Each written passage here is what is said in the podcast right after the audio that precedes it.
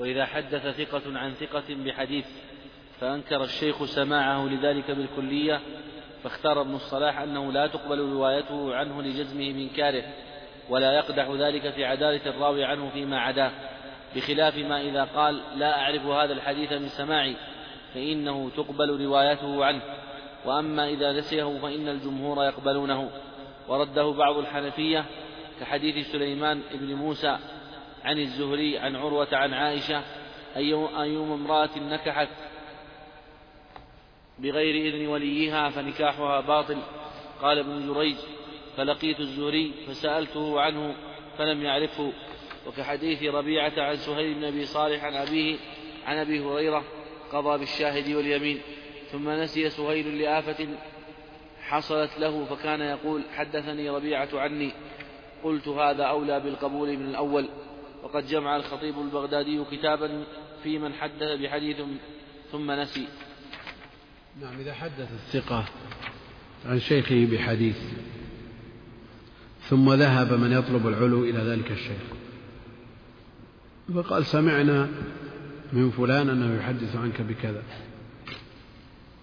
قال أبدا أنا ما حدثت. كذب علي. إن قال مثل هذا الكلام له حكم. إن قال نسيت. إن جزم بالإنكار له حكم. إن تردد وقال أنا لا أذكر أنا حدثت ولم أحدث هذا أيضا له حكم. يقول إذا حدث ثقة عن ثقة بحديث فأنكر الشيخ سماعه لذلك بالكلية بالكلية يعني جزم بالنفي. فاختار ابن الصلاح أنه لا تقبل روايته عنه لجزمه بإنكاره. أما الخبر لا يقبل. لأنه إنما ينسب إلى ذلك الشيخ وذلك الشيخ منكر له. ولا يقدح ذلك بعدالة الراوي عنه فيما عداه يعني في حديث في حديث أخرى. الراوي عن هذا الشيخ الذي جزم بالإنكار لا يقدح في عدالته. لأنك ما تدري الصدق مع من. نعم. هل الشيخ متحقق وجازم وقوله مطابق للواقع؟ فيما نفاه وأنه بالفعل ما حدث ذلك الراوي أو أن الراوي ضبط وحفظ وأتقن ما سمعه من ذلك الشيخ والشيخ نسي. احتمال. فليس قبول قول أحدهما بأولى من قبول الآخر ولذا لا يقدح في عدالة الراوي عنه في الأحاديث الأخرى. في هذا الحديث يقدح لأن الحديث إنما عرف من طريقه وأنكر بخلاف ما إذا قال لا أعرف هذا الحديث من سماعي فإنه تقبل روايته عنه لأنه يحمل عن النسيان يحمل على نسيانه. يقول أما إذا نسيه فإن الجمهور يقبلونه. يعني لا أعرف هذا الحديث من سماعي تردد من غير جزم هذا يقبل. إذا نسي قال نسيت. ما الفرق بين كونه نسي أو نفى أن يكون؟ نفى معرفته بهذا الحديث. قوله لا أعرف هذا الحديث من سماعي. هذا نعم. يعني مرتبة بين المرتبتين بين الإنكار بقوة والجزم وبين إثبات النسيان. إثبات النسيان. إذا نسي فإن الجمهور يقبلونه ورده بعض الحنفية. كحديث سليمان بن موسى عن الزهري عن عروة عن عائشة أيما امرأة نكحت بغير إذن وليها فنكاحها باطل لكن هل يؤخذ مذهب من رد حديث واحد؟ يقول الحنفية يردون هذا. كل من نسي رد حديثه أو نعرف مذهبهم في هذه المسألة ونقول أنهم لا يرون اشتراط الولي في النكاح. فرد هذا الحديث لأمور أخرى. لا يلزم أن يكون لأن الراوي نسي. يقول فرده بعض الحنفية كحديث سليمان بن موسى عن الزهري عن عروة عن عائشة أيما امرأة نكحت بغير إذن وليها فنكاحها باطل قال ابن جريج فلقيت الزهري فسألته عنه فلم يعرفه وكحديث ربيعة عن سهيل بن أبي صالح عن أبيه عن أبي هريرة قضى بالشاهد واليمين ثم نسي سهيل لآفة حصلت له في ذلك فكان يقول حدثني ربيعة عني أني حدثته بكذا. والخطيب البغدادي له كتاب جمع فيه هذه الأخبار التي نسي فيها الشيخ وصار يحدث عمن حدثه هو. وللسيوطي رسالة اسمها تذكرة المؤتسي في ذكر من حدث ونسي وهو مختصر من كلام الخطيب. نأخذ الأجرة أو نقبل عليها إيش رأيك نكمل بسرعة؟ وين؟ تبي تمشي لأن الكلام طويل جدا.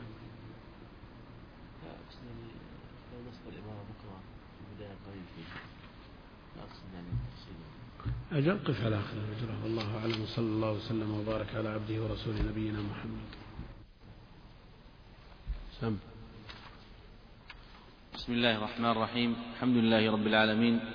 والصلاة والسلام على أشرف الأنبياء والمرسلين نبينا محمد وعلى آله وصحبه وسلم تسليما كثيرا. قال الإمام ابن كثير رحمه الله تعالى مسألة ومن أخذ على التحديث أجرة هل تقبل روايته أم لا؟ روي عن أحمد وإسحاق وأبي حاتم أنه لا يكتب عنه لما فيه من خرم المروءة. وترخص أبو نعيم الفضل بن دكين وعلي بن عبد العزيز وآخرون. كما تؤخذ الأجرة على تعليم القرآن وقد ثبت في صحيح البخاري إن أحق ما أخذتم عليه أجرا كتاب الله. كتاب الله. وقد أفتى الشيخ أبو إسحاق الشيرازي فقيه العراق ببغداد لأبي, الحس... لأبي الحسين ابن النقور بأخذ الأجرة لشغل المحدثين له عن التكسب لعياله. بسم الله الرحمن الرحيم. الحمد لله رب العالمين. وصلى الله وسلم وبارك على عبده ورسوله نبينا محمد وعلى آله وصحبه أجمعين. أخذ الأجرة على تعليم العلم الشرعي كالتفسير والحديث والفقه والعقائد وغيرها. مختلف فيه بين أهل العلم فممن منعه الإمام أحمد رحمه الله تعالى وإسحاق وجمع من أهل العلم. منعوه احتياطا. وقالوا ينبغي ألا يروى عمن اشترط الأجرة.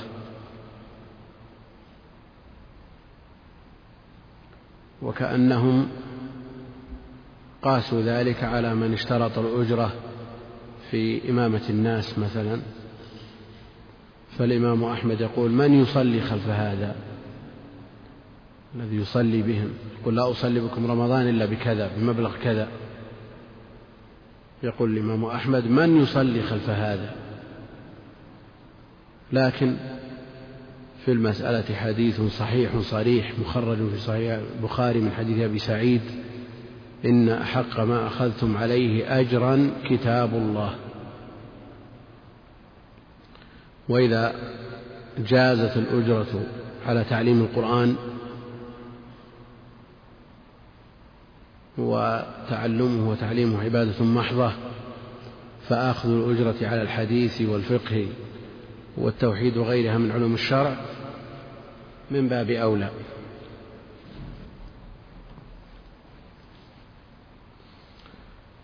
وعلى كل حال من تورع وتبرع وعلم الناس مجانا كما علم مجانا فأجره موفور عند الله سبحانه وتعالى. لكن المنع من ذلك يحتاج إلى دليل بل الدليل على خلافه. نعم من كان همه وقصده الدنيا بحيث لا يفعل ولا يعمل عملا شرعيا إلا بأجرة هذا لا شك أنه آه، عنده خلل. أما العلم غير العلم الشرعي من علوم الدنيا فلا بأس بأخذ الأجرة عليه قولا واحدا كالطب والهندسة وغيرها لأنها كغيرها من المهن والحرف. كما يشتغل المزارع بأجرة يعلم الزراعة بأجرة. كما يشتغل المهندس بأجرة يعلم الناس الهندسة بأجرة. لا بأس. الوسائل إلى العلوم الشرعية. من أهل العلم من يلحقها بالمقاصد. فتعليم اللغة ينبغي أن يكون مجانا.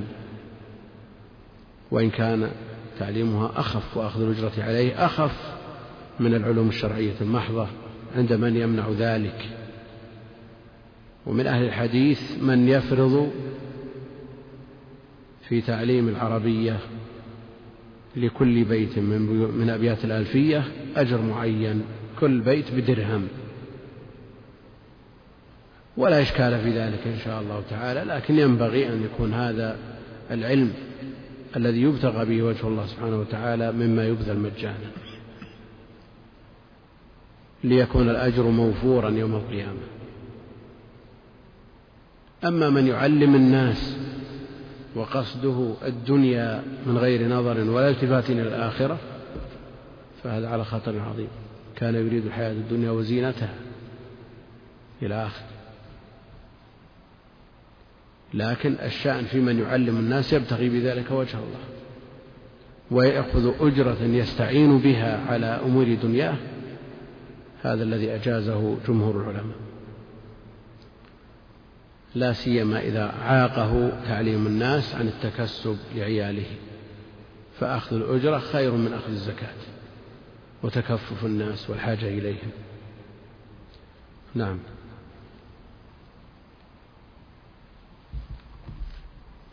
مسألة قال الخطيب البغدادي أعلى العبارات أعلى العبارات في التعديل والتجريح أن يقال حجة أو ثقة وأدناها أن يقال كذاب.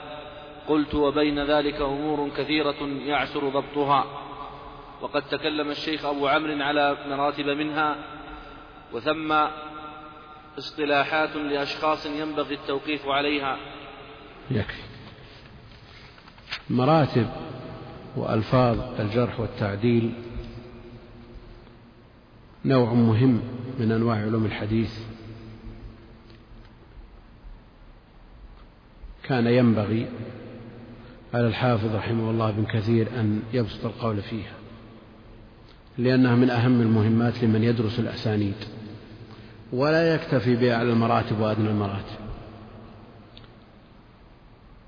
ألفاظ الجرح والتعديل هي ألفاظ وجمل يستعملها أهل العلم يعبرون بها عما يستحقه الراوي من منزلة. جرحا وتعديلا. والمراتب هي ترتيب لتلك الألفاظ من حيث القوة والضعف. وجمع جميع الألفاظ التي نطق بها أهل العلم في بيان ما يستحقه الرواة لا شك أنه أمر في غاية الأهمية. وتمناه الحافظ ابن حجر رحمه الله ومن بعده السخاوي. تمنى كل منهما لو اعتنى بارع بتتبعها من كتب الرجال والتواريخ وغيرها. اعتنى بارع ما يكفي أدنى واحد فيتتبعها ويجمعها ويصنفها يجعل ما يتعلق بالتعديل على حدة وما يتعلق بالجرح على حدة. ولا شك أنه سوف يواجه ألفاظ قد يصعب عليه تصنيفها. ثم بعد ذلك يتكلم على هذه الألفاظ في اللغة وفي الاصطلاح ثم يرتبها حسب القوة والضعف. هناك ألفاظ قد يصعب مراد المتكلم بها يصعب فهم مراده لكن مع المران. ومع إدامة النظر وبمقارنة قوله مع أقوال أهل العلم في الراوي يتبين المراد. الحافظ العراقي رحمه الله تعالى يظن أن قول أبي حاتم في جبارة بن المغلس بين يدي عدل يظنها تعديل. ومضى الحافظ ابن حجر على ذلك مدة. إلى أن قارن بين أقوال العلماء مع قول أبي حاتم فوجد أنهم كلهم مطبقون على تضعيفه فكيف يعدله أبو حاتم؟ وقد عرف بالتشدد. هذا أوجد عنده وقفة ثم وقف على قصص من كتب الأدب تدل على أن هذه الجملة من أسوأ ألفاظ الجرح. فوقف على قصة في كتاب الأغاني لأبي الفرج الأصبهاني لأبي عيسى بن هارون الرشيد مع طاهر القائد. كانوا على مائدة يأكلون فجاء أبو عيسى فأخذ هندبات. إما كوسة ولا قرعة ولا؟ نعم. فرمى بها عين طاهر وهو أعور. رمى بها العين السليمة. فشكاه على أبيه فقال انظر ماذا صنع بي. ضربه أو ضرب عينه السليمة والأخرى بين يدي عدل وأعور الأخرى تألفة. يقول فهمت أن المراد أنها تجريح وليس التعديل. ثم وقف على كلام لابن قتيبة في أدب الكاتب وهو أن العدل الذي يشار إليه في مثل هذا الكلام العدل بن جز بن سعد العشيرة كان على شرطة تبع وكان موكولا إليه القتل. فإذا أمر تبع بشخص أن يستلمه العدل هذا ليقتله قال الناس هذا بين يدي عدل. ومرادهم بذلك أنه مآله إلى الهلاك فهو تالف حكما. بهذا لا نستهين من الاستفادة من أي كتاب يمكن أن يستفاد منه. نعم كتب الأدب فيها الفضول من الفضول الشيء الكثير لكن ما المانع أن يطلع عليها بقدر تستجم به النفس. ويفتح به بعض المغاليق مثل هذه الأشياء على أن لا يسترسل في ذلك لأن الغاية الكتاب والسنة. المقصود أن هناك من الألفاظ النادرة التي لا يستطيع الطالب المبتدئ أو المتوسط فهم مراد قائلها منها. لكن مع إدامة النظر ومع المقارنة بين أقوال أهل العلم يتبين له المراد وبقرائن ترشد إلى ذلك. فما على طالب العلم إلا أن يجمع كتب الرجال ويجرد هذه الكتب ويجمع هذه الألفاظ وهذه الجمل ويصنفها ثم تقسيمها ترتيبها إلى مراتب. هذه مرحلة ثانية تحتاج إلى إلى جهد وإلى عناء أول من هذب مراتب الجرح والتعديل وصنفها ورتبها ابن أبي حاتم في تقدمة كتابه العظيم الجرح والتعديل وجعلها أربع مراتب للتعديل وأربع للجرح. تبعه على ذلك ابن الصلاح ومن دار في فلكه. ثم جاء الحافظ العراقي والذهبي فجعلاها خمس مراتب في القسمين. ثم جاء الحافظ بن حجر والسخاوي والسيوطي فجعلوها ستا ستا. فأعلى هذه المراتب في التعديل ابن حجر يجعل أعلى مراتب التعديل الصحبة فجعل الصحابة في المرتبة الأولى وغيره أخرج الصحابة. من باب أنه ينبغي أن لا يضم الصحابة إلى غيرهم من الرواة فشأنهم آخر. فجعلوا أعلى المراتب ما جاء بأفعل التفضيل كأوثق الناس أو فلان لا يسأل عنه أو إليه المنتهى في التثبت وهذه جعلها الحافظ في المرتبة الثانية في التقريب وإن جعلها في المرتبة الأولى في النخبة. من المراتب العليا في التعديل تكرار لفظ التعديل إما بلفظه أو بمرادفه. ثقة ثقة. ثقة ثبت وإذا كرر أكثر من ذلك فقيل ثقة ثقة ثقة ثلاث أربع خمس وأكثر ما وجد من ذلك تسع مرات في كتب الجرح والتعديل. وكأنهم بعد يرون أنه انقطع نفسه. ما كان نعم ما كان يريد أن يقف على هذا الحد. المقصود أن الرواة متفاوتون في منازلهم وهذه المراتب وهذه الألفاظ تقريبية في وصف أحوال الرواة. ليس معنى أن من وصف باللفظ ثقة لو وقفنا على كتاب التقريب وجردنا من قال فيه الحافظ ثقة فوجدناهم ألف مثلا. وجدنا أن هؤلاء الألف في مرتبة واحدة كلهم ثقات. لا. هؤلاء الثقات متفاوتون. يلي ذلك ما قيل فيه ثقة فقط. لكن لو قال وهذا موجود في كتب الإتباع وهي من كتب اللغة ولا ولم أقف عليه في كلام أهل العلم في الجرح والتعديل لو قال ثقة ثقة بالتاء أو ثقة نقة بالنون هذا من باب الإتباع ويلحق بتكرار الثقة ومثله ضعيف نعيف على ما سيأتي. إفراد الثقة مرتبة رابعة. الخامسة من وصف بصدوق. والسادسة من أضيف إلى لفظ الصدوق فقيل صدوق يهم أو آه، وصف بأمر بوصف آخر مع صدوق. ابن حجر جعلها الصحابة هنا جعل المرتبة الأولى الصحابة.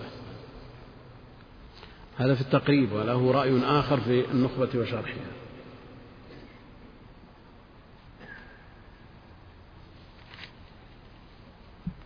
أولها الصحابة فأصرح بذلك لشرفهم. الثانية من أكد مدحه إما بأفعل كأوثق الناس أو بتكرير الصفة لفظا كثقة ثقة أو معنى كثقة حافظ. المقصود أن مثل هذه الأشياء يعني لا شك أنها تعطي قوة للراوي لكن ليس معنى هذا أن هذا أمر متفق عليه بين أهل العلم بدليل أن من لم يجعل الصحابة في المرتبة الأولى وأخرجهم عن هذه المراتب جعل الثاني عند ابن حجر أولى وأضاف إليها إليها المنتهى في التثبت وفصل ما فيه تكرار عن ما جاء بأفعل التفضيل. حافظ بن حجر جعل التكرار في الثانية مع ما جاء بأفعل التفضيل لأنه جعل الأولى للصحابة. لكن لو أخرج الصحابة كغيره فجاء بأفعل التفضيل أو فلان لا يسأل عن مثله أو إليه المنتهى في التثبت في الأولى وجعل التكرار في الثانية وجعل إفراد الثقة في المرتبة الثالثة والرابعة من قصر عن درجة الثالثة قليلا وإليه الإشارة بصدوق أو لا بأس به أو ليس به بأس. والخامسة من قصر عن درجة الرابعة قليلا وإليه الإشارة بصدوق سيء الحفظ أو صدوق يهم أو له أوهام أو يخطئ أو تغير بآخرة ويلتحق بذلك من رمي بنوع من البدعة كالتشيع والقدر والنصب والإرجاء والتجهم مع بيان الداعية من غيره. السادسة من ليس له من الحديث إلا القليل. هذه آخر مراتب التعديل. من ليس له من الحديث إلا القليل ولم يثبت فيه ما يترك حديثه من أجله وإليه الإشارة, وإليه الإشارة بلفظ مقبول حيث يتابع وإلا فلين الحديث. حقيقة العناية بمراتب التعديل عند الحافظ ينبغي أن تفوق غيره. نعم عند السخاوي ألفاظ أكثر من الحافظ وعند السيوطي في التدريب كذلك وأكثر من جمع من هذه الألفاظ السخاوي في فتح المغيث. لكن التقريب كتاب عملي بأيدي الناس كلهم ولا يمكن التعامل مع محتوى الكتاب إلا بالرجوع إلى مقدمته. والكتاب كتاب محرر ومتقن ومضبوط. والحافظ حافظ. وليس بالمعصوم. ولنا عليه استدراكات وملاحظات. فمن ذلكم ما قاله في السادسة. انتبهوا يا إخوان. السادسة من ليس له من الحديث إلا القليل ولم يثبت فيه ما يترك حديثه من أجله.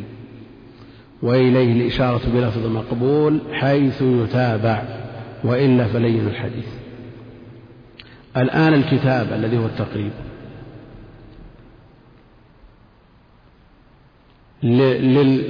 للرواة أو للمرويات؟ وصف للرواة أو للمرويات؟ إيش معنى قول حيث يتابع مقبول وإلا فلين؟ وصف لروايته وليست وصفا للراوي. معنى هذا أنه لو وصف زيد من الناس بلفظ مقبول ورد ذكره في حديث ورد في سند حديث لم يتابع عليه. يستحق مقبول ولا يرجع اللين؟ يرجع اللين.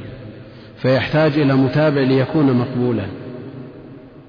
شخص آخر ليس له من الحديث إلا القليل ولم يثبت فيه ما يترك حديثه من أجله لكنه ما توبع. وش يستحق؟ يصفه بالحجر بإيش؟ بلين لأنه ما توبع. لكن لو توبع هذا صار مقبولا. إذا هذه الأوصاف للروايات وليست للرواة.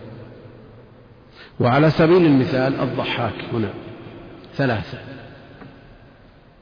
الضحاك بن حمرة والضحاك المعافري. نعم. ما أراد الله أن ننبه تحضرون الكتاب. لكن عاد. الضحاك.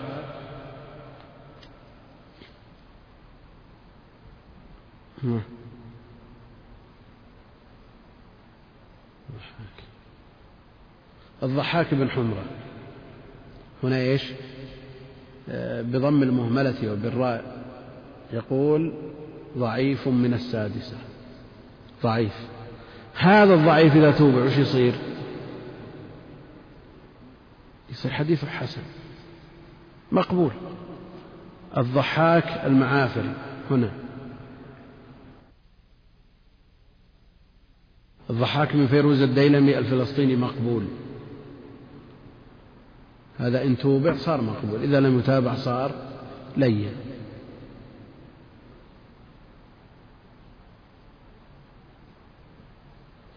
وهذا الضحاك بن المنذر مقبول أيضا. الضحاك بن نبراس. الضحاك بن نبراس الأزدي لين الحديث من السابعة. هذا لو توبع صار مقبول.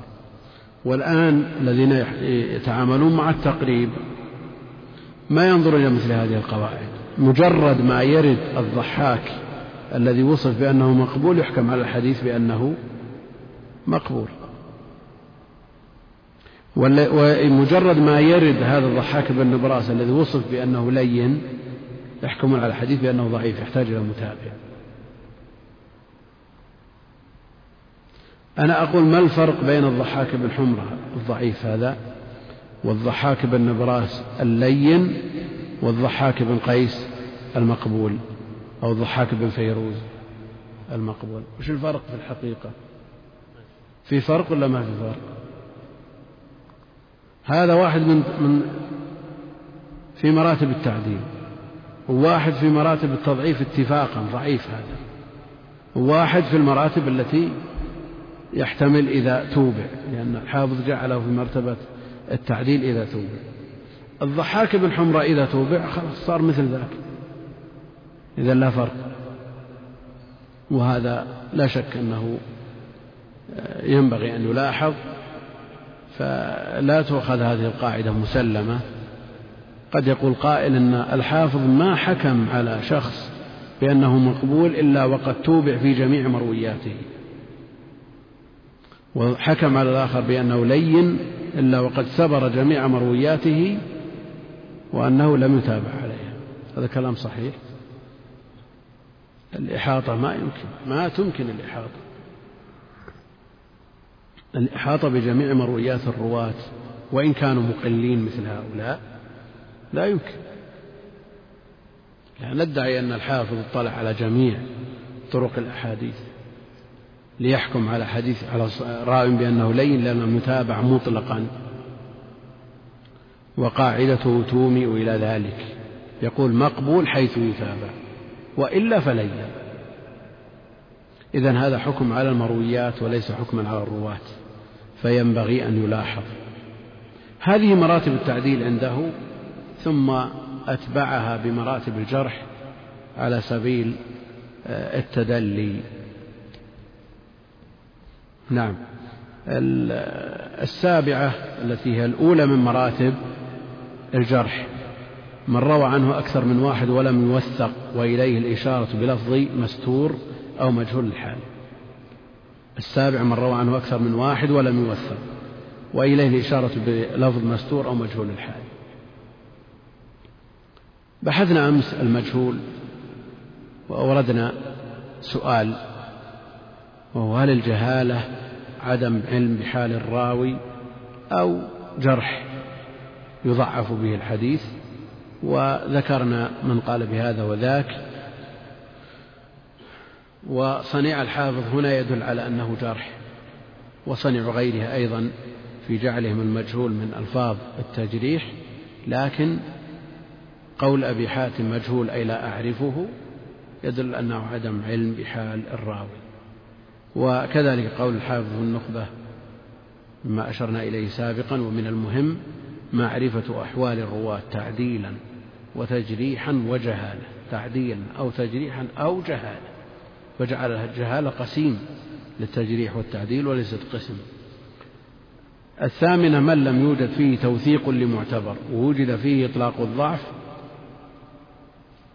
ولو لم يفسر وإليه الإشارة بلفظ ضعيف.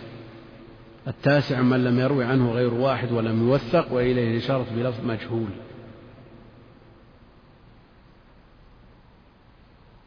هذا مجهول العين على ما تقدم بالأمس. مجهول العين والأول مجهول الحال اللي في السابعة وجعل بين مجهول العين ومجهول الحال مرتبة وهي من وصف بلفظ ضعيف. وعلى كل حال مجهول الحال اللي هو المستور والضعيف غير شديد الضعف من المرتبة الثامنة والتاسعة مجهول العين كلهم حديث ضعفهم غير شديد بمعنى أنه ينجبر. العاشرة من لم يوثق البتة وضعف مع ذلك بقادح وإليه الإشارة بمتروك متروك الحديث وهي الحديث ساقط. ضعف بقادح. الآن من قيل فيه ضعيف هل ضعف بقادح أو بغير قادح؟ نعم. بقادح. إذا ما الفرق بين آه، الثامنة والعاشرة؟ نعم إن كان المراد بالقادح القدح الشديد. لا بأس. لأنه يستحق الوصف متروك. متروك الحديث وهي الحديث ساقط. ضعفه شديد مثل هذا لا ينجبر خبره ولا يرتقي. الحادية عشر من اتهم بالكذب. والاتهام بالكذب يوصف به من يعرف بالكذب في حديثه العادي ولو لم يكذب على النبي عليه الصلاة والسلام. لأنه لو كذب على النبي عليه الصلاة والسلام لصار من الثانية عشرة من أطلق عليه الكذب والوضع. وعلى كل حال الحافظ رحمه الله آه، غالب أحكامه دقيقة. وليس هو بالمعصوم وهو إمام من أئمة هذا الشأن.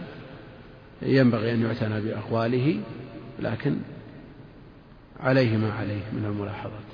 وهي سيرة بالنسبة إلى حجم الرواة الذين تكلم فيهم.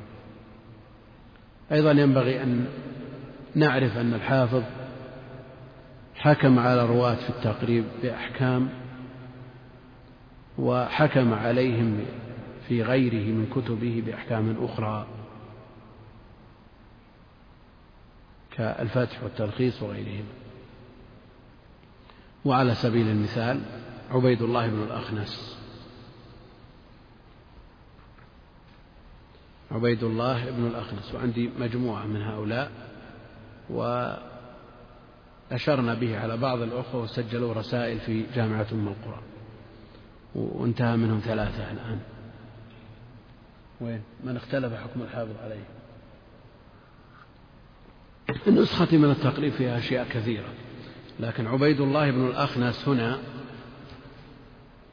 عبيد الله بن الأخنس نعم. عبيد الله بن الأخنس النخعي أبو مالك الخزاز صدوق قال ابن حبان كان يخطئ.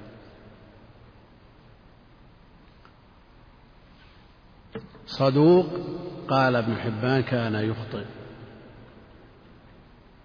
يقول حافظ الفتح في الجزء العاشر صفحة 199 وثقه الأئمة وشذ ابن حبان فقال يخطئ. فرق كبير بين الحكمين. فرق كبير بين الحكمين. وحينما نورد مثل هذه الأشياء وهي يسيرة بالنسبة لحجم الكتاب لا يعني هذا أننا نقلل من قيمة الكتاب أو من شأن الحافظ كلا أو نتطاول عليه أو نفتح باب لمن يتطاول عليه. لا لكن نريد من الإخوة الذين يعتمدون اعتمادا كليا ويصححون ما ضعفه الأئمة أو يضعفون ما صححه الأئمة اعتمادا على التقريب أن يحتاطوا لهذا الأمر. وأن المسألة تحتاج إلى إعادة نظر وأنه ليس لكل أحد أن يتصدى لمثل هذه الأمور.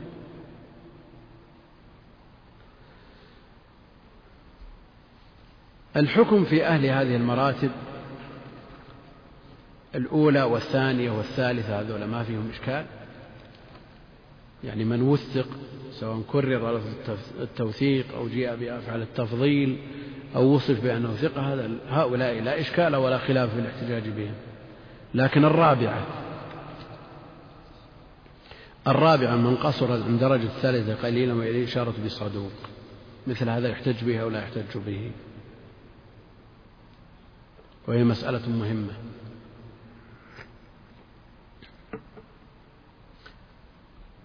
عند ابن أبي حاتم وابن الصلاح أيضا والسخاوي لا يحتج به ابتداء. صدوق ما يحتج به ابتداء. وإنما يكتب حديثه ويعتبر به وينظر ويختبر. لماذا؟ لأن لفظ صدوق لا يشعر بشريطة الضبط. لفظ صدوق لا يشعر بشريطة الضبط. نعم هي مبالغة في الصدق. ومن باب التمثيل لو افترضنا أن شخصا في يوم عيد يكثر الوارد عليه وعنده ولد طرق الباب بعد صلاة العيد. افتح يا ولد فتح من؟ فلان. وهذا صحيح. طابق الواقع. صدق في خبره. طرق ثاني وثالث ورابع وعاشر ومئة ومئتين في يوم العيد. ألا يستحق الوصف بصدوق؟ نعم ما خالف الواقع ولا مرة كلهم يقول فلان وصحيح كلامه. لكن سأله أبوه من الغد من جاءنا بالأمس؟ قال فلان وفلان وفلان. ذكر اثنين ثلاثة ثم عجز أن يستحضر الباقي. ضابط ولا ما هو بضابط؟ هذا ليس بضابط. يستحق الوصف وصف المبالغة بصدوق لأنه لزم الصدق. ولا مرة واحدة قال فلان هو يكذب. لكن الوصف بصدوق لا يشعر بشريطة الضبط عند هؤلاء ولذا لا يحتج بالصدوق. الذين يحتجون بالصدوق والذي جرى عليه عمل المتأخرين يحتجون به. حجتهم إحنا عرفنا حجة من قال بعدم الاحتجاج به ابتداء. لأن اللفظ لا يشعر بشريطة الضبط. يشعر بملازمة الصدق صحيح. لكن من أين نأتي بالضبط لنحتج بالصدوق؟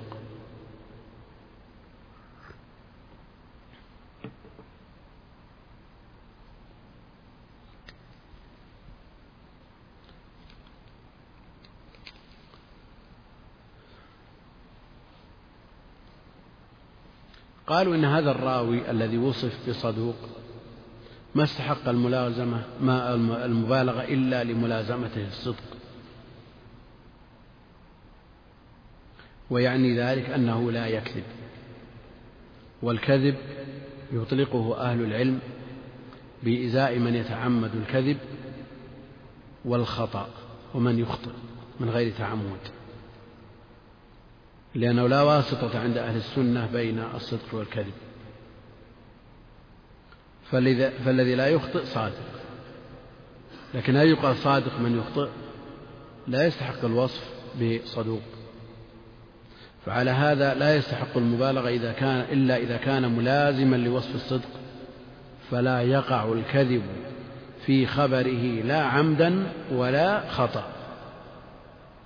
فما استحق الوصف بصيغة المبالغة إلا أنه ملازم للصدق. وجاء في النصوص إطلاق الكذب على الخطأ. صدق الله وكذب بطن أخيه. المقصود أنهم يطلقونه على الخطأ. وجاء في الصحيح كذب نوف وكذب فلان وكذب فلان وكلها أخطأ.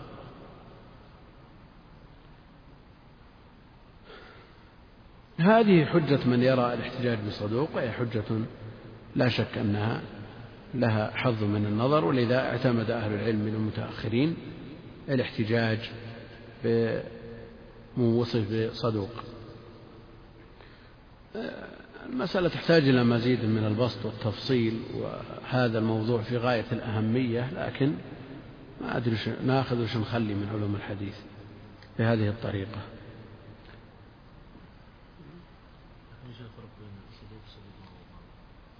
الصدوق له أوهام. صدوق يهم صدوق له أوهام. وصدوق يخطئ. وصدوق دون وصف آخر. لا شك أن مرتبة صدوق دون أي وصف آخر أعلى.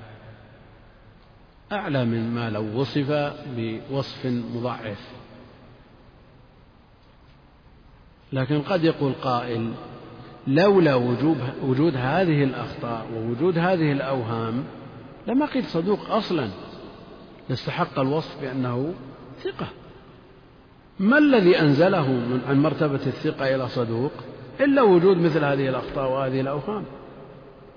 لكن لنعلم أن هذا اصطلاح. اصطلاح. طبقوه على الرواة وميزوا ووازنوا بينهم. والحافظ رحمه الله حينما يصف بوصف آخر مع الصدوق إنما ينتقيه من قول بعض الآئمة وكثيرا ما يعتمد في هذا على ابن حبان كثيرا ما يعتمد في هذا على ابن حبان.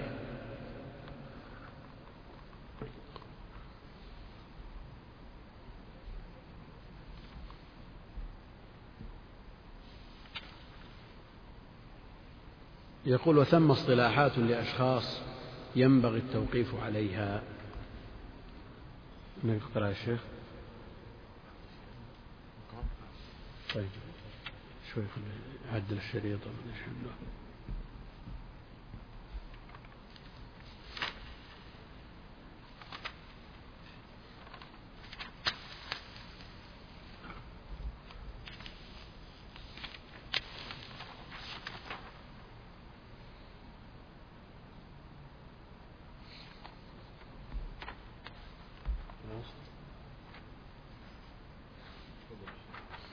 نعم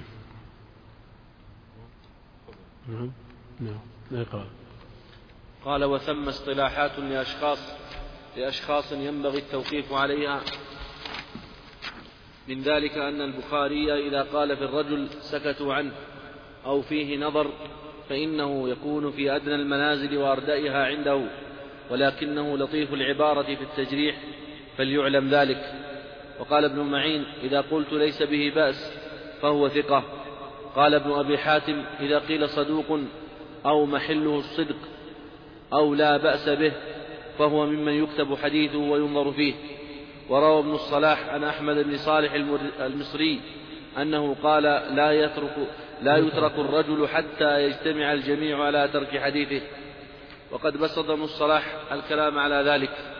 والواقف على عبارات القوم يفهم مقاصدهم بما عرف من عباراتهم في غالب الأحوال وبقرائن ترشد إلى ذلك والله الموفق.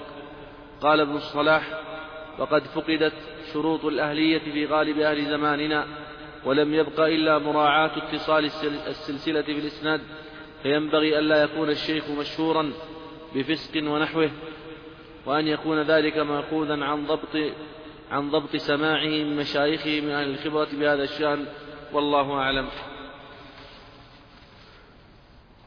يقول رحمه الله وثم اصطلاحات. هناك اصطلاحات لأشخاص ينبغي التوقيف عليها. إيش الفرق بين ثم وثمة؟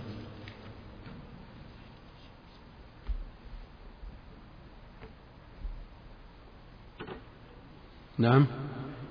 ثم وثمة. في فرق؟ لو قال ثمة اصطلاحات.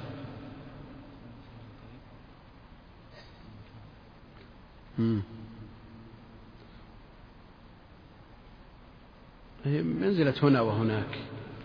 نعم هناك اصطلاحات أو هنا اصطلاحات فكأنهم يريدون أن ثمة للقريب وثم للبعيد.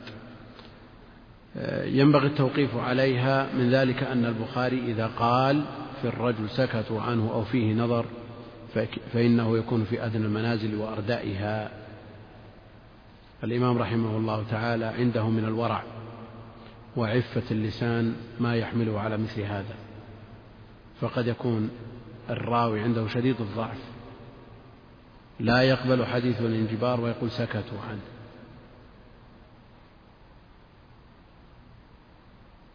هو من أهل التحري يحتاط لنفسه أو يقول فيه نظر وهو شديد الضعف. قال فإنه يكون في أدنى المنازل وأردائها عنده ولكنه لطيف العبارة في التجريح فليعلم ذلك. لا شك أن العقول تتفاوت والناس يتفاوتون تفاوتا كبيرا في التحري والتثبت والاحتياط للنفس. فأين من يقول فيه نظر أو سكتوا عنه؟ عند مع من يقول فلان لا يساوي رجيع الكلب. نعم. أين هذا من ذاك؟ أين الثرى من الثريا؟ أو قال فلان بكذا وهو قول من لا يؤمن بيوم الحساب. يصف بذلك كبار الأئمة مالك وأبا حنيفة وغيره على كل حال هذه تنبئ عن عقليات لأن الإنسان أهم ما عليه نفسه فينبغي أن يحتاط لنفسه. وتجد من أحد الطلبة وصغارهم يسأل عن فلان وعلان. يخطئ.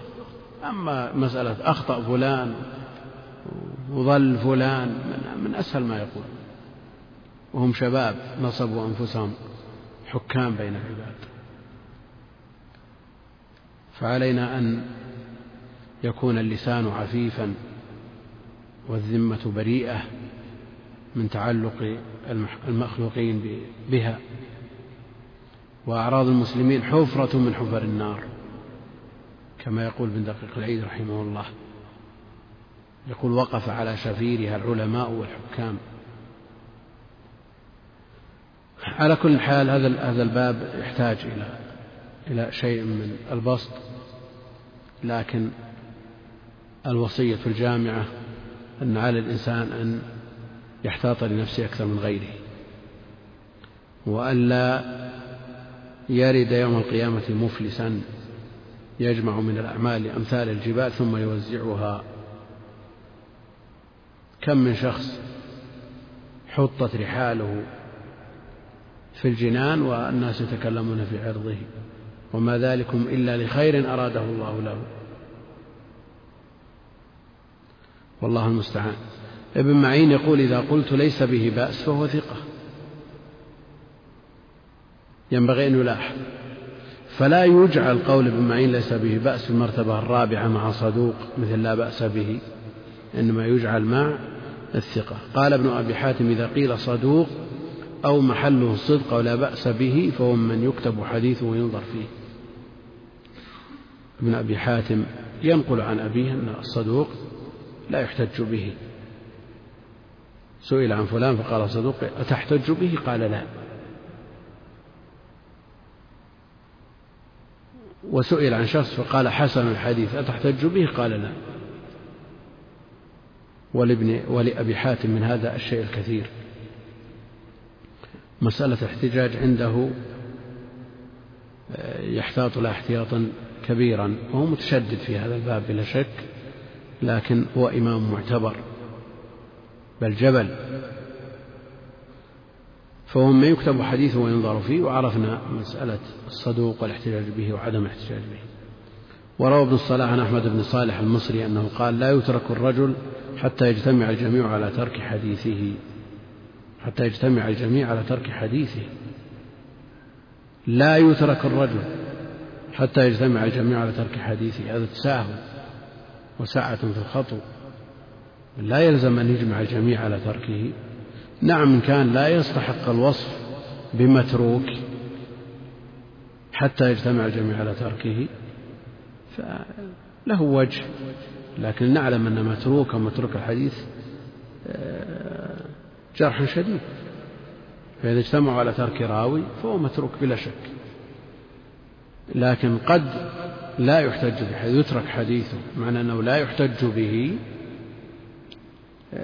لكلام واحد من أئمة الحديث معتبر ولو لم يجمع على تركه أو وثقه بعضهم وضعفه آخرون والتضعيف في حقه أرجح. يقول وقد بسط ابن الصلاح الكلام في ذلك والواقف على عبارة قوم يفهم مقاصدهم بما عرف من عبارات في غالب الأحوال. لا شك أن إدامة النظر في كتب الجرح والتعديل كتواريخ البخاري وسؤالات الإمام أحمد وجرح والتعديل بن أبي حاتم والثقات والمجروحين وتهذيب الكمال وفروعه وغيرها من كتب الرجال تجعل عند الطالب ملكة يميز بها بين الأقوال التي يظن أنها متماثلة ويفهم بها بواسطة هذه الملكة, الملكة ما استغلق على غيره. وهناك قرائن ترشد إلى المطلوب. قال ابن الصلاح وقد فقدت شروط الأهلية بغالب أهل زماننا يعني من الرواة فقدت شروط الأهلية والناس في سفال. إذا كانت الأهلية قد فقدت في المئة السادسة والسابعة فكيف بزماننا وما تقدمه من الأزمان مع وجود الشواغل والصوارف؟ لا شك أن الأهلية لا سيما ما يتعلق بالضبط ضعفت كثيرا اعتمادا للناس على من الناس على كتبهم وعدم تعاهدهم إياها وتساهلهم في حفظها وصيانتها. ثم بعد ذلك جاءت المطابع فبعد الناس بعدا شديدا عن مزاولة العلم. يكتفي طالب العلم أن يجمع الكتب ويسمي نفسه طالب علم. والطباعة مع أنها نعمة من نعم الله إلا أنها صدت كثير من المتعلمين والكلام في هذا له مجال آخر يقول فقدت شروط الأهلية في غالب أهل زماننا لماذا؟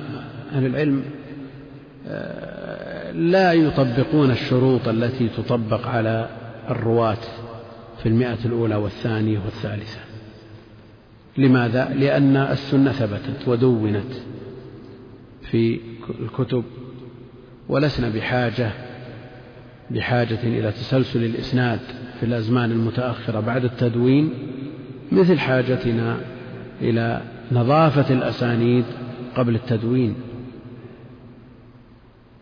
يعني لو أتيح للإنسان إسناد آه، منه إلى النبي عليه الصلاة والسلام وبواسطة بواسطة بعض الضعفاء أو بعض المبتدعة لا يمنع. لأنه ليس المعول على هؤلاء بعد تدوين الكتب. ولذا يقول ولم يبق إلا مراعاة اتصال اتصال السلسلة بالإسناد. يعني أما الاعتماد عليهم فلا هذا شيء آخر. فينبغي ألا يكون مشهورا بفسق ونحوه لأن العلم دين فانظر عمن تأخذ دينك. لكن كون عندك سند بواسطة بعض الضعفاء أو بعض المبتدعة يعني تقول عندي إسناد. والسلسلة باقية وخصصت هذه الأمة. لكن ما قيمة هذا الإسناد في التصحيح والتضعيف؟ ولو كان الإسناد كله أئمة منك إلى الرسول عليه الصلاة والسلام. لا قيمة له بعد التدوين.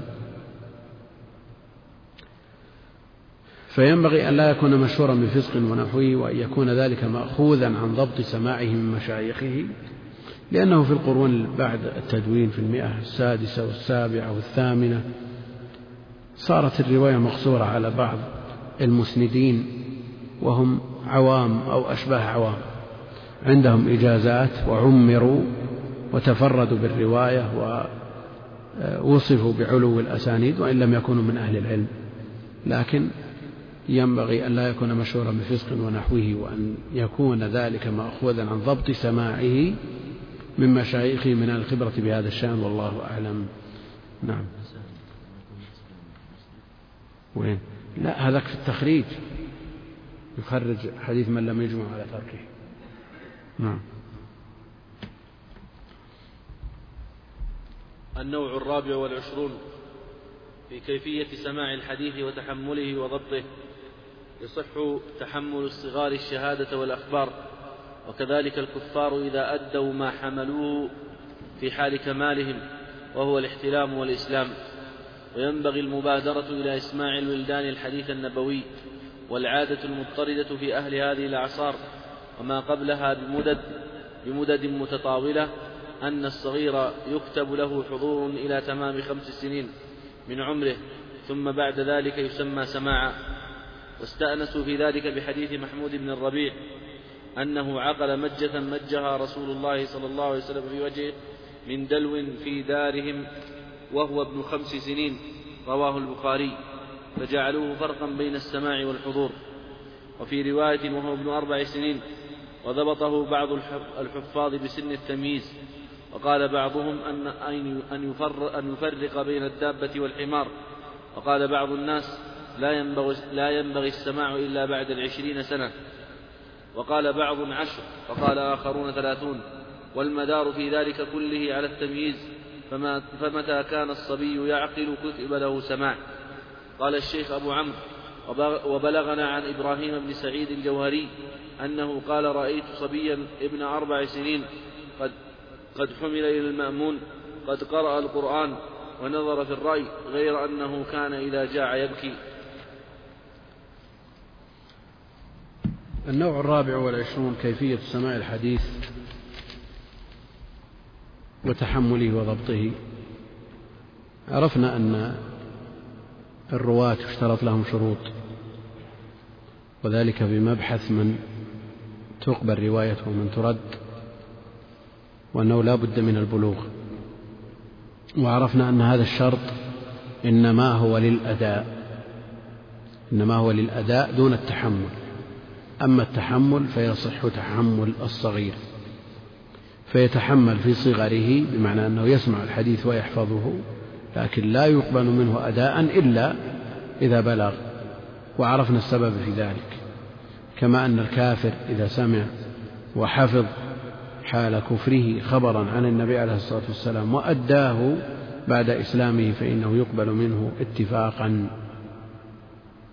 وأوردنا حديث جبير بن مطعم حينما سمع النبي عليه الصلاة والسلام يقرأ في صلاة المغرب سورة الطور وذلك قبل أن يسلم ثم أداها بعد إسلامه فقبلت منه وخرجت في الصحيحين وغيرهما. وكذلك الكفار إذا أدوا ما حملوه في حال كمالهم وهو الاحتلام والإسلام. يقول وينبغي المبادرة إلى إسماع الولدان الحديث النبوي. والعادة المضطردة في أهل هذه الأعصار وما قبلها بمدد متطاولة إلى آخره. ينبغي المبادرة إلى إسماع الولدان الحديث وأقول ينبغي المبادرة إلى تحفيظ الولدان القرآن قبل الحديث على طريقة المغاربة.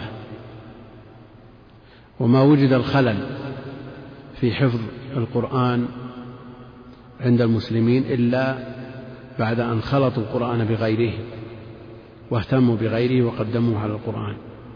لكن إذا ضبط القرآن وحفظ وأتقن وضمن يأخذ من العلوم ما شاء. بل يقدم بعد ذلك سنة النبي عليه الصلاة والسلام وما يخدم الوحيين وما يعين على فهمهما؟ وهنا يقول ينبغي المبادرة إلى إسماع الولدان الحديث النبوي والعادة المضطردة في أهل هذه الأعصار وما قبلها بمدد متطاولة من الصغير يكتب له حضور إلى تمام خمس سنين. يعني في مجالس السماع يحضر فئام من الناس منهم الكبير ومنهم الصغير منهم الطفل الذي له سنة وسنتين وثلاث وأربع وخمس وست إلى وما فوق ذلك. لكن جرت عادتهم أن يكتبوا لمن بلغ خمسا فأكثر سمع ومن لم يبلغ حضر أو أحضر. قد يقول قائل هذا الطفل أبو ثلاث سنين وش جاب ليش جاب مجالس السماع نقول هذا اعتمده الناس حينما ذهبت قيمة الأسانيد وانتهت ودونت الأحاديث في الكتب. وما بقي إلا تسلسل الإسناد. فأبو ثلاث سنين إذا حضر. يقال حضر قراءة الكتاب الفلاني على الشيخ الفلاني ويثبت اسمه في الطباق ويروي بهذا الحضور. وإن تيسر له مع ذلك إجازة تجبر هذا الخلل عد نفسه من أكابر الرواة. ثم بعد ذلك يسمى سماعا وسأنس في ذلك في حديث محمود بن الربيع وفي الصحيح في البخاري أنه عقل مجة مجها رسول الله صلى الله عليه وسلم في وجهه من دلو في دارهم وهو ابن خمس سنين في كتاب العلم من صحيح البخاري. فجعلوه فرقا بين السماع والحضور وفي رواية وهو ابن أربع سنين ابن أربع سنين. وهذه الرواية ذكرها القاضي عياض في الإلماع لكن ابن حجر في الفتح قال لم أقف على هذا صريحا في شيء من الروايات بعد التتبع التام. بعد التتبع التام. يقول وضبطه بعض الحفاظ بسن التمييز. الجمهور على أن من بلغ خمس سنين من أكمل خمس سنين يصح سماعه.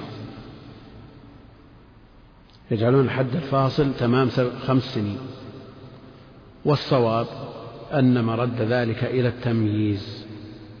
فإذا ميز فهم السؤال ورد الجواب المطابق يصح سماعه. وأما قبل ذلك فلا ولو كان ابن خمس أو ابن خمسين الذي لا يفهم ما يصح سماعه. وعلى كل حال هذا اصطلاح عندهم مشوا عليه.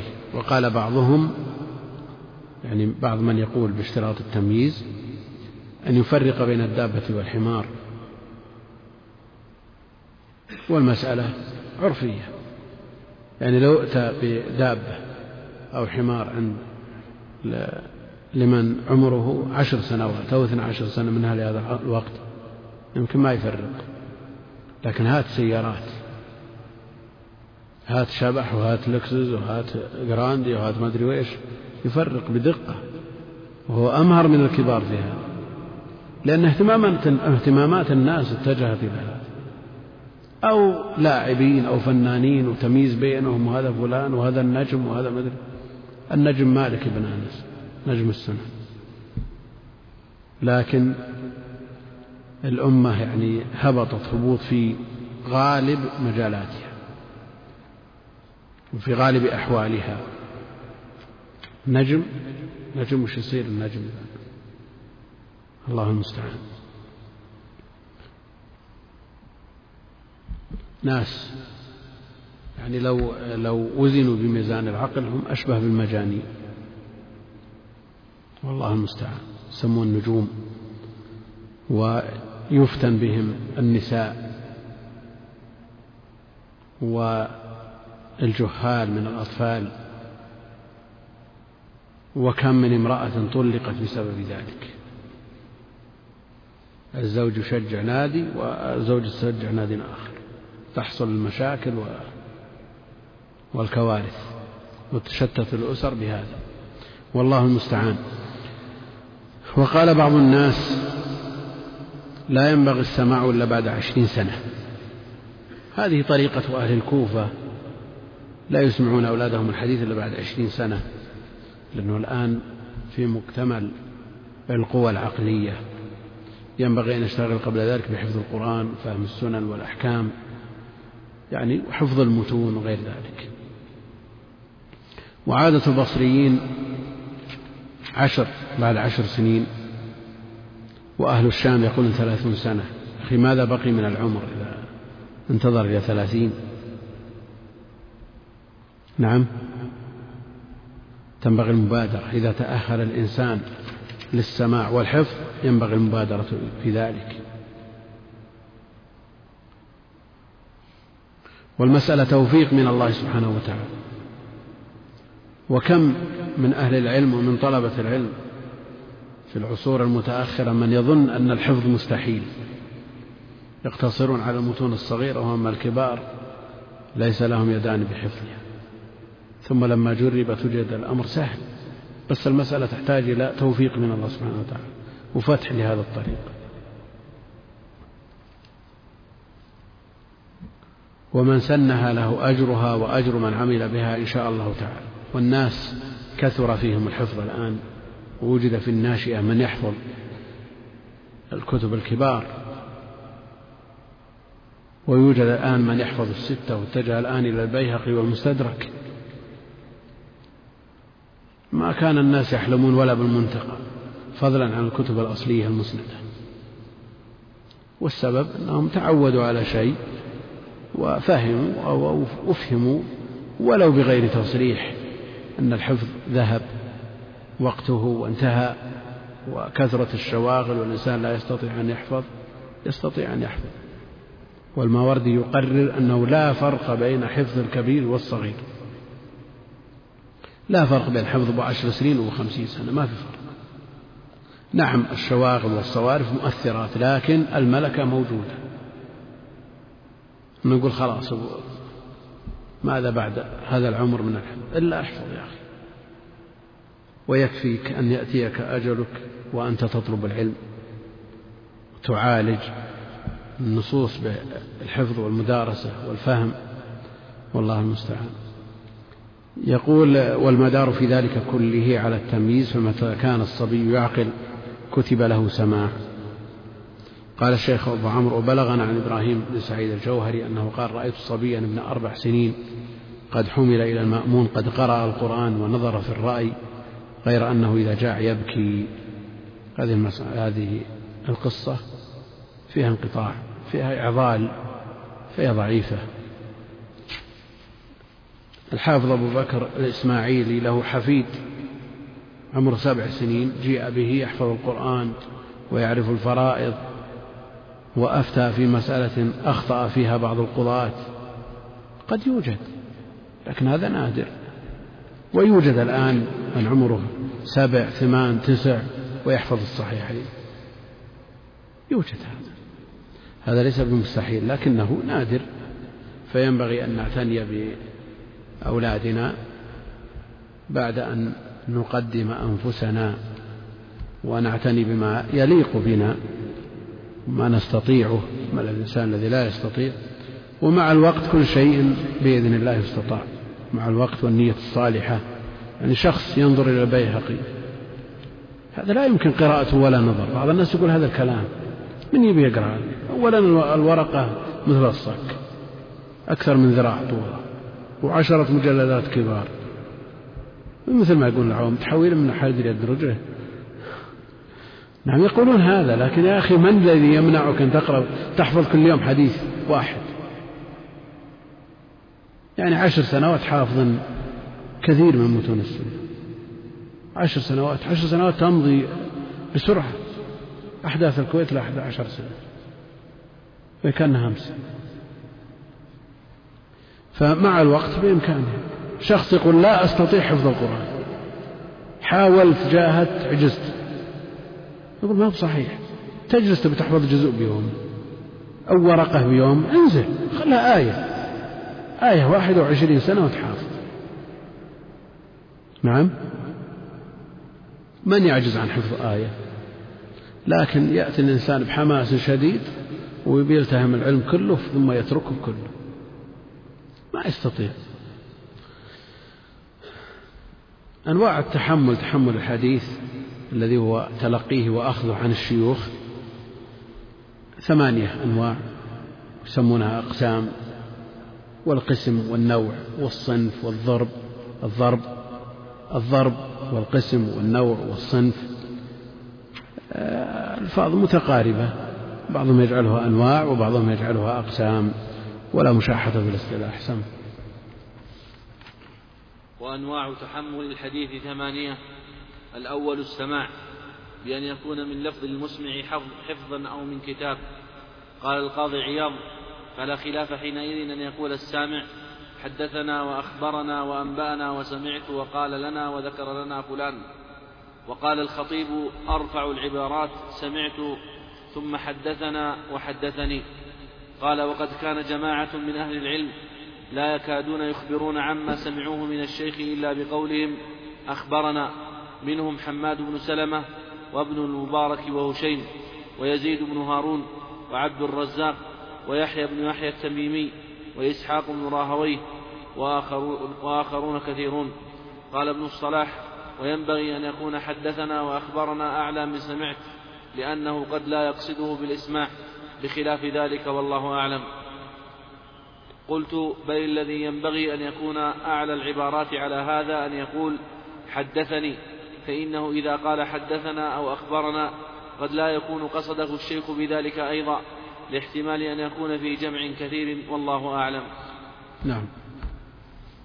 أعلى أقسام التحمل السماع من لفظ الشيخ السماع من لفظ الشيخ وهو الأصل في الرواية.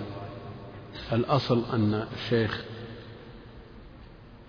يقرأ الأحاديث سواء كان من حفظه أو من كتابه كما كان النبي عليه الصلاة والسلام يتكلم ابتداء بالسنة والصحابة يتلقون عنه والتلاميذ يتلقون عنه يسمعون من شيوخه.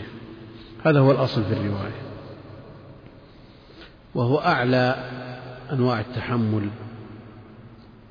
وتارة يكون من لفظ المسمع حفظا أو من كتاب وتارة يكون إلقاء وحينا يكون إملاء. والإملاء أعلى أنواع أو أقسام السماع لما يترتب عليه من تحرز الشيخ المملي وتحرز الطالب الذي يكتب. قال القاضي عياض فلا خلاف حينئذ أن يقول السامع حدثنا وأخبرنا وأنبأنا وسمعت وقال لنا وذكرنا. هذا كله مطابق للواقع. لأنه إذا قال حدثنا نعم الشيخ حدث إذا قال أخبرنا الشيخ أخبره إلى آخره. وقال الخطيب أرفع العبارات سمعت ثم حدثنا وحدثني. قال وقد كان جماعة من أهل العلم لا يكادون يخبرون عما سمعوا من الشيخ إلا بقولهم أخبرنا. لا فرق بين أن يقول سمعت وحدثنا وأخبرنا يعني من حيث اللغة. والأصل فمن سمعت منه فقد حدثك ومن حدثك فقد أخبرك وهي ألفاظ مترادفة في الجملة يومئذ تحدث أخباره ولا ينبئك مثل خبير. المقصود أن هذه ألفاظ متقاربة في الأصل لكن من حيث الاصطلاح من حيث الاصطلاح أهل العلم اختلفوا في ذلك فمنهم من لا يفرق ويرى أن هذه العبارات تصلح لكل طريق من طرق التحمل سواء كان من لفظ الشيخ أو عرض قراءة على الشيخ وبعضهم يطلقها في الإجازة والمناولة وغيرها من طرق التحمل ويتسامح بذلك ويتجوز. والإمام البخاري ممن لا يفرق بين صيغ الأداء فلا يمنع أن يروي بصيغة حدثنا وأخبرنا ولو كان طريق التحمل أو السماع أو العرض. بينما مسلم يتحرى الدقة في ذلك وتجده يعيد الراوي لمجرد اختلاف صيغة الأداء حدثنا فلان وفلان وفلان قال فلان أخبرنا وقال الآخران حدثنا أو العكس. فهو يهتم بهذا اهتماما بالغا كما أنه يعتني بصاحب اللفظ فيقول واللفظ لفلان والإمام البخاري يتوسع في ذلك ويتجوز فلا يهتم بمثل ذلك بقدر ما يهتم بالفائدة العظمى من إيراد مثل هذه الأحاديث وهو الاستنباط. قال الخطيب أرفع العبارات سمعت ثم حدثنا وحدثني. سمعت لا شك أنها تنبئ عن أن طريقة تحمل السماع ولا يحتمل غيره سمعت لا تحتمل أن تكون طريقة تحمل العرض لأنه في حال العرض ما سمع الشيخ يقول شيء. وإن تجوز بعضهم وأطلق السماع في التحمل في حال العرض لكن سمعت ما تحتمل إلا السماع هذا الأصل فيها. ثم حدثنا وحدثني حدثنا إذا كان معه غيره وحدثني إذا قصده بالتحديث وحده. فحدثني أقوى من حدثنا. حدثني أقوى من حدثنا. لكن إذا روى بطريق السماع ثم نسي فيما بعد هل كان معه غيره أو لا. أو كان منفردا في هذا التحديث هل يقول حدثني أو حدثنا؟ بعضهم يقول حدثني لماذا؟ لأنه متيقن وجوده متيقن ووجود غيره مشكوك فيه. وبعضهم يقول لا يقول حدثنا لأن حدثني أقوى فلا يأتي بالصيغة القوية مع احتمال أن طريقة تحمله أدنى من ذلك والأمر يسير والخطب سهل. قال وقد كان جماعة من أهل العلم لا يكادون يخبرون عما سمعوه من الشيخ إلا بقولهم أخبرنا ومنهم حماد بن سلمة وابن المبارك وهشيم ويزيد بن هارون وعبد الرزاق ويحيى بن يحيى التميمي وإسحاق بن راهويه وآخرون كثيرون. لا يكادون يخبرون عما سمعوه إلا بلفظ الإخبار ولا يروون بلفظ التحديث وعلى وجه الخصوص إسحاق بن راهويه. فيميز به عن غيره إذا جاء مهملا. إذا قال مسلم حدثنا إسحاق قال أخبرنا فلان. إسحاق بن من؟ إذا قال أخبرنا فالذي يغلب على الظن أنه إسحاق لأنه لا يروي إلا بصيغة الإخبار. أما غيره وجد منهم بعض التصريح بالتحديث لكن الغالب عليهم آه، الرواية بالإخبار. قال ابن الصلاح وينبغي أن يكون حدثنا وأخبرنا أعلى من سمعت لأن سمعت قد لا يكون مقصودا بالسماع يسمع مع غيره والشيخ لا يقصده بخلاف ذلك بخلاف حدثنا. حدثنا يعني قصده بالإخبار وأخبرنا كذلك. لكن هل القصد بالإخبار مقصود في الرواية؟ له أثر في الرواية؟ يعني كون الشيخ الشيخ يقصدك بالتحديث. أو تكون موجود مع مئات تسمع الشيخ وتروي عنه هل له أثر؟ يعني كون الشيخ قصدك بالسماع قال تعال عندي لك حديث. اروي عني هذا الحديث فيحدثه به. أو تسمع هذا الحديث منه مع جملة من الناس. هناك فرق؟ نعم ما يظهر فرق. ما يظهر فرق. نعم الشيخ له بك عناية لكن ما دام سمعت من لفظي تؤدي عنه. تؤدي عنه. الإمام النسائي رحمه الله تعالى وهو من أهل الورع التام في هذا الباب يروي عن شيخه الحارث بن مسكين بدون صيغة. لا يقول حدثنا ولا أخبرنا. لماذا؟ يروي عن الحارث بن مسكين يقول الحارث بن مسكين بدون أخبرنا ولا حدثنا. فيما قرئ عليه وأنا أسمع. الحارث بن مسكين منعه من السماع وطرده من الحلقة. النسائي يسمع جلس خلف اسطوانة وصار يسمع. والحارث بن مسكين ثقة إمام عنده. فلكونه ثقة روى عنه. ولكونه لم يقصده بالسماع أو بالتسميع ما نسب إليه الرواية ما قال حدثنا ولا أخبرنا. بل أورد الإسناد من غير صيغة. فقال الحارث بن مسكين فيما قرئ عليه وأنا أسمع.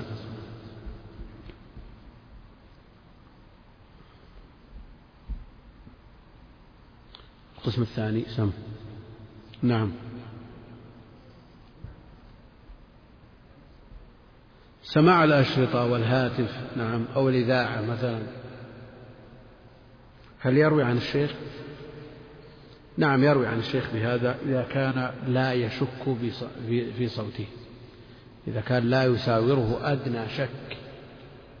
لكن الأحوط أن يبين ويميز. لئلا يقع في التشبع بما لم يعطى. قد يكون المتحدث بلد آخر. فيظن السامع أن هذا سمع منه في بلده وأنه رحل. لطلب العلم يبين يقول سمعته في الإذاعة سمعته في شريط. يعني كما تصح الرواية بالوجادة يعني يجد بخط شيخه الذي لا يشك فيه فيقول وجدت بخط شيخي فلان كما يقول عبد الله بن أحمد كثيرا وجدت بخط أبي عليه أن يبين يقول سمعت من الشيخ الفلاني في الإذاعة مثلا أو في شريط أو في أو الهاتف أو ما أشبه ذلك إذا كان لا يشك فيه. لأنه لأن الاحتمال وإن كان ضعيف وإن كان الاحتمال ضعيفا أن يلتبس عليه الصوت فيظنه فلان وفي الحقيقة ليس بفلان.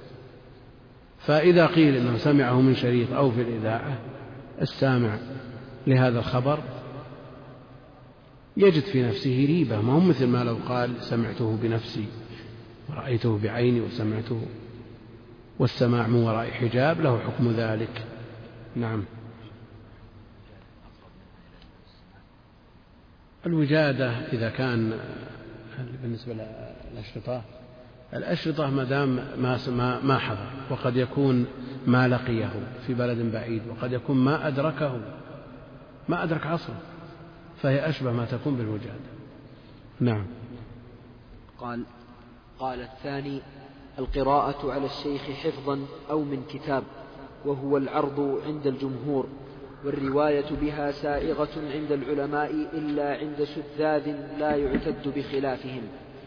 ومستند العلماء حديث ضمام بن ثعلبة وهو في الصحيح وهي دون السماع من لفظ الشيخ وعن مالك وأبي حنيفة وابن أبي ذئب أنها أقوى وقيل هما سواء. ويعزى ذلك إلى أهل الحجاز والكوفة وإلى مالك أيضا وأشياخه من أهل المدينة وإلى اختيار البخاري. والصحيح الأول وعليه علماء المشرق. فإذا حدث بها يقول قرأت أو قرئ على فلان وأنا أسمع فأقر به أو أخبرنا أو حدثنا قراءة عليه وهذا واضح. فإن أطلق ذلك جاز عند مالك والبخاري ويحيى بن سعيد القطان والزهري وسفيان بن عيينة ومعظم, ومعظم الحجازيين والكوفيين حتى إن منهم من سوغ سمعت أيضا. ومنع من ذلك أحمد والنسائي وابن المبارك ويحيى بن يحيى التميمي. والثالث أنه يجوز أخبرنا ولا يجوز حدثنا.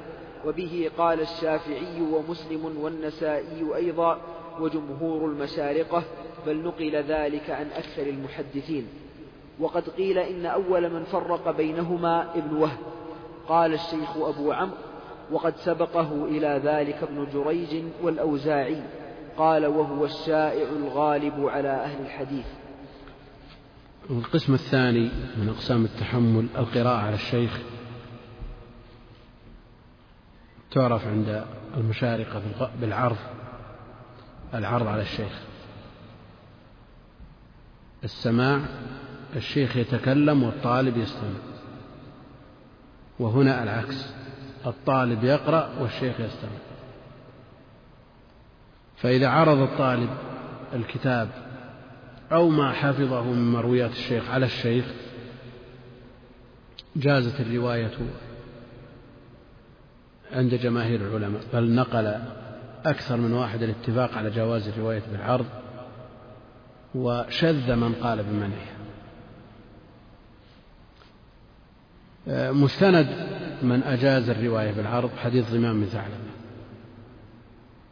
الذي سمع عن النبي عليه الصلاة والسلام بواسطة سمع من النبي بواسطة ثم جاء يعرض ما سمعه. على النبي عليه الصلاة والسلام وهو في الصحيح في صحيح البخاري في كتاب العلم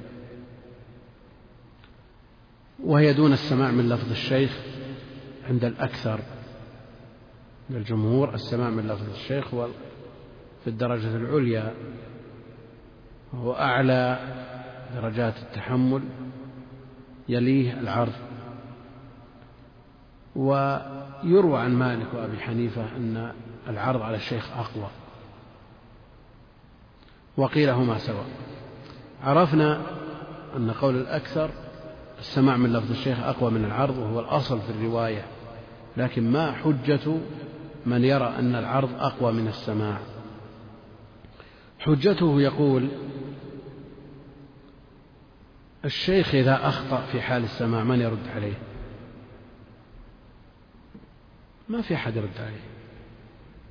إذا كان الشيخ يلقي فأخطأ من يرد عليه؟ يرد عليه الطلاب؟ نعم. لا. لكن إذا أخطأ الطالب في القراءة في العرض على الشيخ فإن الشيخ لن يتردد في الرد عليه. من هذه الحيثية رجح العرض على القراءة. وقال جمع من أهل العلم هما سواء. هما سواء. سواء قرأت على الشيخ أو قرأ عليك لا فرق. والإمام مالك رحمه الله تعالى يغضب حينما يقال له اقرأ علينا الموطأ. يقول لا اقرأ أنت. اقرأ أنت. منهم من صاحب الإمام مالك سبع عشرة سنة قال ما سمعت يقرأ على أحد. ناس يقرأون عليه. وغضب على شخص قال أريد أن أسمع منك. فقال اقرأ أنت. اعرض أنت. تقنع بالعرض في القرآن ولا تقنع بالعرض في الحديث والقرآن أعظم.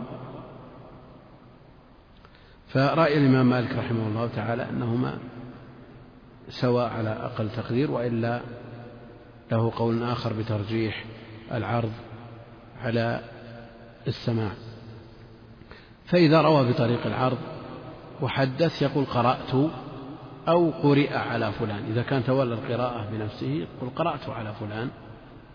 يبين الواقع. أو قرئ على فلان وأنا أسمع. وهل يشترط في العرض أن يقر الشيخ فيقول إذا قيل له حدثك فلان عن فلان عن فلان ذكر السند. يقول نعم أو لا يشترط. منهم من اشترط؟ منهم من اشترط ذلك ومنهم من قال يكفي سكوت. يكفي سكوت. أو قرئ على فلان وأنا أسمع فأقر به أو أخبرنا أو حدثنا قراءة عليه. يعني إذا جاء بما يبين الواقع لا بأس أن يؤدي بأي صيغة. ولو قال سمعت فلانا قراءة عليه أو فيما قرئ عليه لا بأس. حدثني فلان أو حدثنا فلان فيما قرئ عليه أخبرنا فلان قراءة عليه أو فيما قرئ عليه. كل هذا بيان للواقع وهذا لا بأس به. لكن هل يقول سمعت أو حدثنا من غير بيان الواقع؟ الأكثر على منع ذلك. بل يقول أخبرنا هذا الذي استقر عليه الاصطلاح. وإن كان الإمام البخاري ومعه جمع من أهل العلم لا يرون التفريق بين حدثنا وأخبرنا ويجيزون الرواية بأي صيغة ولو كان الطريق العرض على الشيخ فيجيزون حدثنا وأخبرنا على حد سواء. يقول فإذا أطلق ذلك جاز عند مالك. حدثنا وأخبرنا. من دون قراءة عليه وفيما قرئ عليه. جاز ذلك عند مالك والبخاري ويحيى بن سعيد القطان والزهري وسفيان بن عيينة ومعظم الحجازيين والكوفيين. حتى إن منهم من سوغ. سمعت أيضا ومنع من ذلك أحمد والنسائي. نعم الإمام أحمد يفرق بين صيغ الأداء وهو على الاصطلاح الجاري عند مسلم وغيره. وابن المبارك ويحيى بن يحيى التميمي. نعرف يحيى بن يحيى التميمي يلتبس كثيرا بيحيى بن يحيى الليثي راوي الموطأ وغيره هذا ثقة من رجال الصحاح ويكثر عنه مسلم. وذاك ورد في كتب الرجال للتمييز لم يروي عنه أحد من الكتب الستة من أصحاب الكتب الستة. الليثي. ما روى عنه أحد من أصحاب الكتب الستة. أورده ابن حجر للتمييز. ويلتبس بيحيى بن يحيى التميمي. اللي يروي عنه مسلم وغيره. نعم. القول الثالث يجوز أن يقول أخبرنا ولا يجوز حدثنا وهذا الذي جرى عليه الاصطلاح عند المتأخرين. وبه قال الشافعي ومسلم والنسائي أيضا وجمهور المشارقة. بل نقل ذلك عن أكثر المحدثين. وقيل إن أول من فرق بينهما ابن وهب.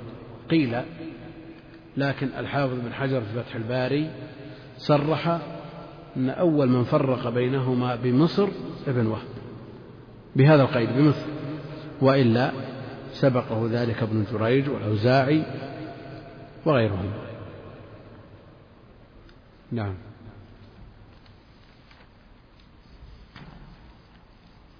قال فرع إذا قرئ على الشيخ من نسخة وهو يحفظ ذلك فجيد قوي وإن لم يحفظ والنسخة بيد موثوق به فكذلك على الصحيح المختار الراجح ومنع من ذلك مانعون وهو عسر.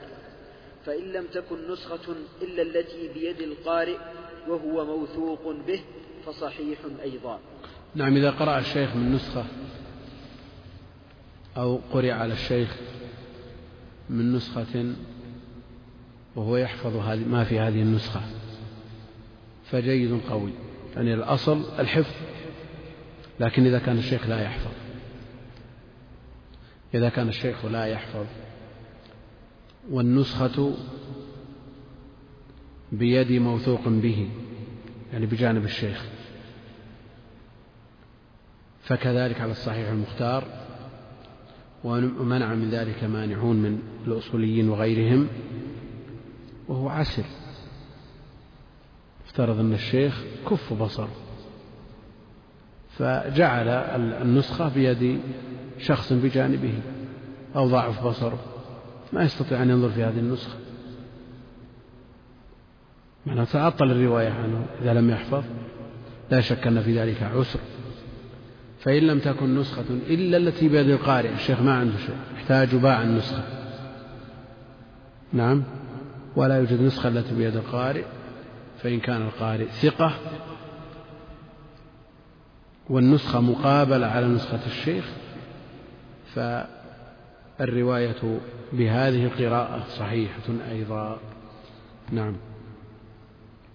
فرع ولا يشترط أن يقر الشيخ بما قرئ عليه نطقا بل يكفي سكوته وإقراره عليه عند الجمهور. وقال آخرون من الظاهرية وغيرهم لا بد من استنطاقه بذلك وبه قطع الشيخ أبو إسحاق الشيرازي وابن الصباغ وسليم الرازي. قال ابن الصباغ إن لم يتلفظ لم تجز الرواية ويجوز العمل بما سمع عليه. يقول الحافظ رحمه الله تعالى فرع ولا يشترط أن يقر الشيخ بما قرئ عليه مطقا لا يلزم أن يقول نعم إذا قيل له حدثك فلان عن فلان عن فلان لا يلزم أن يقول نعم. بل إذا سكت يكفي. بل يكفي سكوته وإقراره عند الجمهور من المحدثين والفقهاء وغيرهم. وقال آخرون من الظاهرية وغيرهم لا بد من استنطاقه بذلك لا بد أن يقول نعم. بناء على أنه لا ينسب لساكت قول لكن سماع للخبر ونسبة الخبر إليه والمسألة مفترضة في محدث ثقة. هذه المسألة مفترضة في مثل هذا. نعم مسألة مفترضة في ثقة. فلا يسكت مجاملة ولا يسكت تكثر ولا تزيد. هذا الحديث من مروياته وليس من مروياته. لأن المسألة مفترضة في شيخ ثقة. أما إذا كان غير ثقة فالشيخ من الأصل لا تقبل الرواية عنه. من الأصل. إن كان غير ثقة وهو بعد عصر التدوين سواء قال نعم أو لم يقل سيان. على ما قدمنا. وبه قطع الشيخ أبو إسحاق الشيرازي الصباغ وسليم الرازي وسليم بن أيوب من أئمة الشافعية.